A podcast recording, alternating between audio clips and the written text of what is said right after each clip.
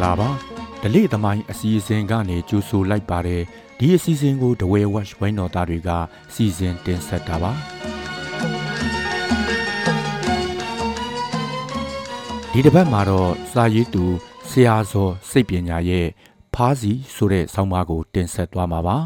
ဒီဆောင်းပါးကိုဒဝဲဝက်ကစီစဉ်ထုတ်ဝေခဲ့တဲ့တနင်္သာရီချာနယ်အတွဲနှစ်အမှတ်50နှစ်မှာဖော်ပြခဲ့တာဖြစ်ပါတယ်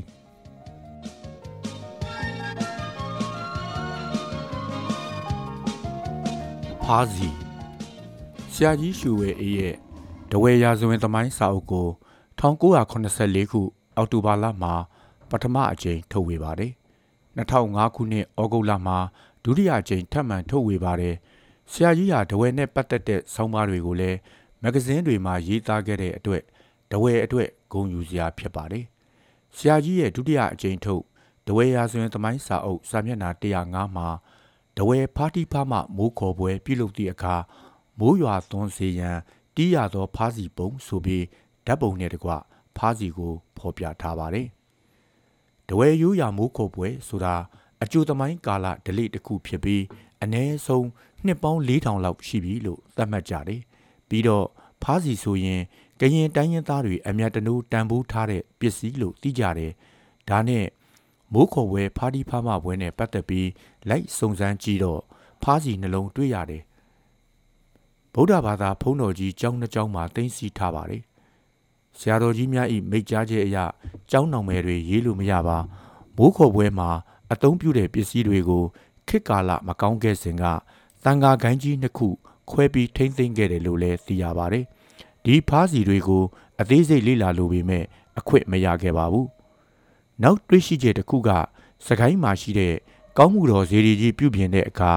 ဌာပနာတိုက်ထဲမှာဖားစီတွေ့ရတယ်။ပညာရှင်တွေအနေနဲ့စဉ်းစားစရာဖြစ်ပါတယ်။တဝဲမျိုးကမိတ်ဆွေတယောက်ကလည်းတနင်္သာရီမြို့ဟောင်းဘက်ကဖားစီတစ်လုံးကိုပြခဲ့ဘူးပါတယ်။မေတ္တာမြို့မှာကျင်းပတဲ့ကရင်နှစ်သက်ကူပွဲမှာလည်းဖားစီပြထားတာတွေ့ခဲ့ရတယ်။မြေခံပေါ်တိုက်နယ်ထန်းတလုံးကြီးရွာမှာဖားစီအကျိုးတွေကိုတွေ့ခဲ့ဘူးပါတယ်။ မြန်မာလိုဖားစီခေါ်ပေမဲ့ကရင်လိုကလုတ်သို့မဟုတ်ကလုသို့မဟုတ်ကလုဆိုပြီးတွေ့ရတယ်။အနောက်တိုင်းသူတေတီအချို့ကကျေးစီလို့ခေါ်ကြောင်တွေ့ရတယ်။စီမျက်နှာပြင်ပေါ်မှာဖားရုပ်လေးတွေပါလို့ဖားစီလို့အများအားဖြင့်သတ်မှတ်ခေါ်ကြတယ်။သူတေသနာတွေအရဖားစီတွေကိုမြောက်ဘက်မွန်ဂိုလီးယားကနေတောင်ဘက်အရှေ့တောင်အာရှကုန်းမကြီးတွေမှာတွေ့ရပြီးကမ်ဘောဒီးယားနိုင်ငံဟောင်းဟာမူလနေရာလို့ဆိုတဲ့နောက်ပိုင်းသုတေသနတွေအရ ဗီယက်နမ်နိုင်ငံမြောက်ပိုင်းက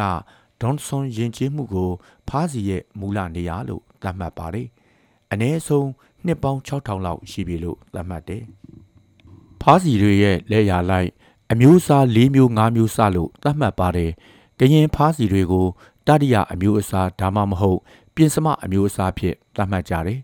။ကရင်တိုင်းရင်းသားတွေရဲ့ယုံကြည်ချက်အရဖားစီကိုလွန်ခဲ့တဲ့နှစ်ပေါင်း3000လောက်ကတည်းကသုံးဆွဲလာတယ်လို့ဆိုတယ်။ ရှီဟောင်းတိကပြပုံမြင်တွေအရကရင်တိုင်းရင်းသားတွေဟာမြန်မာနိုင်ငံအတွင်းမဝင်လာမီကတည်းကဖားစီကိုသုံးလုပ်သုံးဆွဲခဲ့တယ်လို့တွေ့ရတယ်။ကရင်တိုင်းရင်းသားတွေရဲ့ရှီဟောင်းတိကပြတွေမှာမဲခေါင်မြစ်ဖျားတွင်နေခဲ့ဘူးကြောင်းဖော်ပြထားတယ်။မဲခေါင်မြစ်ဖျားခံရဒေသကိုကရင်ဘာသာစကားနဲ့ယူကော်စီတိုင်းပြည်ကိုယူကော်ပြည်သူများကိုယူဖို့လို့ခေါ်ကြတယ်။ရှေးကြဆုံးဖားစီကိုခမူးလို့ခေါ်ပြီးရှမ်းကရင်များကသွန်းလုပ်ခဲ့တယ်။ ဖားစီသွန်းလုပ်တတ်သူတွေဟာရေကြီးရာမျက်နှာရာခရီးသွားရင်ဝဒေတာကိုရောက်ခဲ့တယ်။ဝဒေတာမှာကြေးတွင်တန်တွင်တွေပေါ်လို့ဖားစီအမြောက်များသွန်းလုပ်ခဲ့တယ်။တကောင်းမျိုးအထိအယောင်းဝယ်လုပ်ခဲ့တယ်။ဝဒေတာမှာပြုလုပ်တဲ့ဖားစီတွေကိုတစ်ကလုတ်ယူမူဖားစီမဲခေါင်မြေပြားဒေသရှိအမျိုးသမီးများပြုလုပ်သောဖားစီနှစ်ကလုတ်ယူခွာဖားစီမဲခေါင်မြေပြားရှိအမျိုးသားများပြုလုပ်သောဖားစီသုံး ကဝါမူဖားစီဝအမျိုးသမီးများပြုလုပ်သောဖားစီလေးကဝါခွာဖားစီဝအမျိုးသားများပြုလုပ်သောဖားစီငါရှိုးဝေးမူဖားစီရှိုးအမျိုးသမီးများပြုလုပ်သောဖားစီ6ရှူဝေခွာဖားစီရှိုးအမျိုးသားများပြုလုပ်သောဖားစီခုနှစ်ကလုတ်ယူကော်တယ်ဖားစီဆိုပြီးဆိုတယ်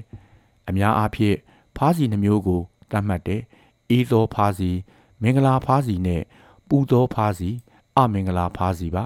အေးသောဖားစီမင်္ဂလာဖားစီကိုနှစ်သက်ကူးပွဲကောက်တစ်စားပွဲမင်္ဂလာအခမ်းအနားပျော်ပွဲရွှင်ပွဲများမှာနေညမပြတ်တီးခတ်ပါတယ်ပူသောဖားစီအမင်္ဂလာဖားစီကိုအတုပအခမ်းအနားအယိုးကောက်ပွဲများမှာနေညမပြတ်တီးခတ်ပြီးချီယာမှာလည်းအသုံးပြုတယ်စစ်ချီယာမှာအသုံးပြုတဲ့ဖားစီကိုသေမင်းတမန်ဖားစီလို့လည်းခေါ်တယ်ဖားစီကိုသုံးတဲ့အခါတတ်တူ၅မျိုးရောဆက်ရတဲ့ ရွှေငွေကြီးခဲနဲ့သွတ်တွေကိုလိုအပ်တဲ့အတန်ရဖို့အချိုးကျရောဆက်ပြီးသုံးလုပ်ပါတယ်ကရင်တိုင်းရင်းသားတွေအသုံးပြုတဲ့ဖားစီဟာတစ်ဖက်ပိတ်ဖြစ်ပြီးဖားစီရဲ့မျက်နှာပြင်ပိုင်းကိုရင်ဘတ်လို့ခေါ်တယ်ဒီမျက်နှာပြင်ပိုင်းရဲ့အလဲတက်တဲ့မှာနေမင်းနဲ့ရောင်စင်တန်းတွေပါတယ်ဒီရောင်စင်တန်းတွေကိုရုပ်ပုံတွေပါတဲ့စက်ဝိုင်းတွေရှိပါတယ်စက်ဝိုင်း9ခုကနေ9ခုအထိရှိတတ်တယ်စက်ဝိုင်းတွေကြားမှာလူရုပ်ငါးရုပ်ငှက်ရုပ် ပန်းပွေစတဲ့ရုပ်ပုံတွေရှိတယ်အနာဆောင်မှာတော့လက်ဝဲရည်ဖားလေးကောင်ပါရှိပါတယ်အချို့ဖားရုပ်တွေကတကောင်တာမကဖားနှစ်ကောင်ဒါမှမဟုတ်သုံးကောင်အထိစစ်ထားတယ်ဖားစီရဲ့ကူထဲပိုင်းမှာချိတ်ဆွဲထားနိုင်ဖို့နဖားပေါက်တစ်စုံတတ်ထားပါတယ်ပြီးတော့ကူထဲမှာအယုံများရေးဆွဲထားပါသေးတယ်ဖားစီကိုအရွယ်အစားမျိုးမျိုးတွေ့ရှိရပါတယ် အင်္ဂါလက္ခဏာပြည့်စုံတဲ့ဖားစီမှာ1လက်ဝဲရစ်ဖားယုတ်များပါရှိခြင်း2ဖားယုတ်3កောင်ထပ်အမျိုးအစားဖြစ်ခြင်းဖား3កောင်ထပ်ရှိပြီး၄နေရာတွင် ဖြစ်တဲ့အတွက်ဖား12កောင်ရှိခြင်း3အထက်နှစ်ဖားပေါက်နဲ့တန်းလျက်ကိုထဲပေါ်တွင်ဆင်3កောင်ဆင်ချီတုံသို့မဟုတ်ခယူးယုတ်3တန်းစီရှိနေခြင်း၄နေမင်းရဲ့ရောင်စင်တန်း12ခုဖြာထွက်နေခြင်းတို့ဖြစ်တယ်မြမဆိုရှယ်လစ်လမ်းစဉ်ပါတီ တိုင်းရင်းသားယဉ်ကျေးမှုရိုးရာဓလေ့ထုံးစံများစာမျက်နှာ316တွင်ကရင်လူမျိုးများတို့သည်ဖပြုတ်တွင် အောက်ပါဝိသေသလက္ခဏာထူးများရှိတယ်လို့ယုံကြည်ကြတယ်။ဖပြုတ်ဟာစကားတီးပြီးអော်တဲ့အခါမိုးရွာတယ်။မိမိရဲ့ဥနဲ့ကလေးတွေကိုပြန်လဲစားတော့ခြင်းမရှိဘူး။ဖပြုတ်အရေးခုံကိုစားမိသူတို့ကမူးပြီးအော့အန်စီပေမဲ့အလွန်ဆိုးဝါးသောအစိတ်ကိုပြေစေတယ်။ယာနာပွေးနာနဲ့မီးလောင်နာတွေကိုဖပြုတ်အရေးခုံအုပ်ပေးရင်သက်သာပျောက်ကင်းတယ်။ ဖပြုတ်ရဲ့အရေးခွန်ဟာယွန်စရာကောင်းပေမဲ့အမျိုးမျိုးသောယောဂာနဲ့အစိတ်တွေကိုပျောက်စေတယ်။ဒီလိုအချက်တွေကြောင့်ကရင်ရှိလူကြီးတွေဟာဖပြုတ်အရေးခွန်ကို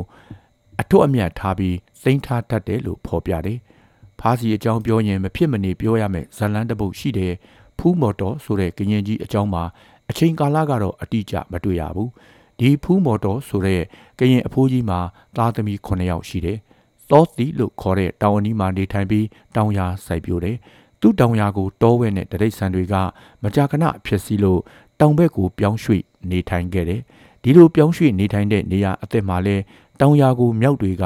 ဝင်ရောက်ဖြစ်စီပြန်တယ်။တော်ရင်းရှိစပယ်ကြီးကစပားတွေကိုလည်းစားပစ်လိုက်တယ်။ဒီနေ့မှာဖူးမော်တော်ဟာတောင်ယာအတွင်းရှိစပယ်ကြီးကိုတွားကြည့်တဲ့အခါစပားတွေယော့နေပြီးလူချီယာတွေလည်းတွေ့တယ်။ဒါနဲ့ ဘာဖြစ်နေလဲသိချင်တာနဲ့ပိုးကောင်ဖြူတကောင်ဖမ်းပြီးနှစ်ပိုင်းဖြတ်ကာနှာခေါင်းတွင်းထက်ပြီးစပယ်ကြီးအတွင်းတေချင်ရောင်ဆောင်နေလိုက်တယ်။နေထန်းတစ်ပြားလောက်ရောက်တဲ့အခါမြောက်တွေရောက်လာတဲ့ဖူးမော်တော်ရဲ့နှာခေါင်းထဲကပိုးကောင်တွေကိုတွေ့ပြီးအဖိုးကြီးတော့ပိုးကြိုက်ပြီးသေးပြီလို့ထင်က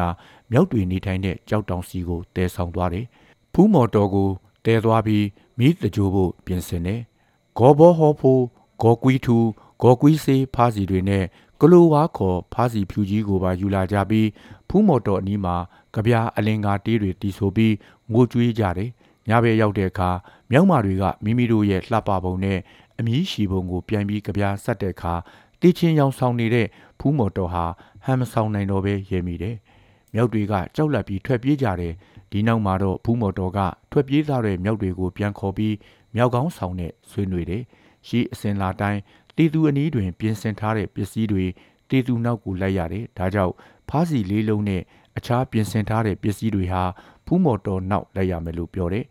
မြောက်ကောင်းဆောင်အနေနဲ့ရှေးအစင်လာကိုမလွန်ဆန်ဝတ်လို့ဖားစီလေးလုံးနဲ့အခြားပစ္စည်းတွေကိုဖူးမော်တော်ကိုပေးလိုက်ရတယ်ဒီအချိန်ကစပြီးဖားစီတွေကိုကရင်တိုင်းရင်းသားတွေက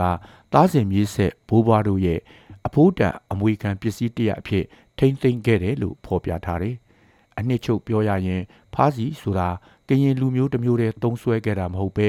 မွန်ဂိုလီးယားကနေစပြီးအရှိတောင်အာရှကုန်းမကြီးရှိတိုင်းရင်းသားတွေမှာတွေ့ရတယ်။ဒီရင်ကျေးမှုကအနည်းဆုံးနှစ်6000 BC 4000လောက်ကစတယ်လို့ဆိုတယ်။အကြောင်းကြောင်းကြောင့်မြန်မာနိုင်ငံအတွင်းရှိတိုင်းရင်းသားတွေအမျက်တနိုးထားတဲ့ဖားစီဒလေးဟာပျောက်ကွယ်လာပြီးဖြစ်တယ်။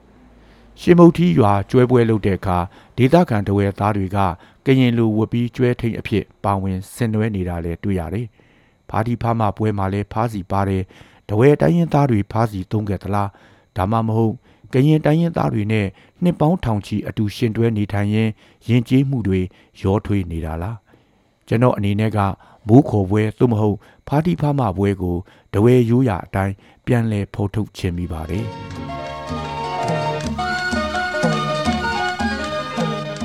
အခုတင်ဆက်ခဲ့တဲ့ဆောင်းပါးကတော့စာရေးသူဆရာဇော်စိတ်ပညာရဲ့ဖားစီဆိုတဲ့ဆောင်းပါးဖြစ်ပါတယ်အခုလိုနားဆင်ပြီးခဲ့တဲ့အတွက်ကျေးဇူးအထူးတင်ရှိပါတယ်ခင်ဗျာ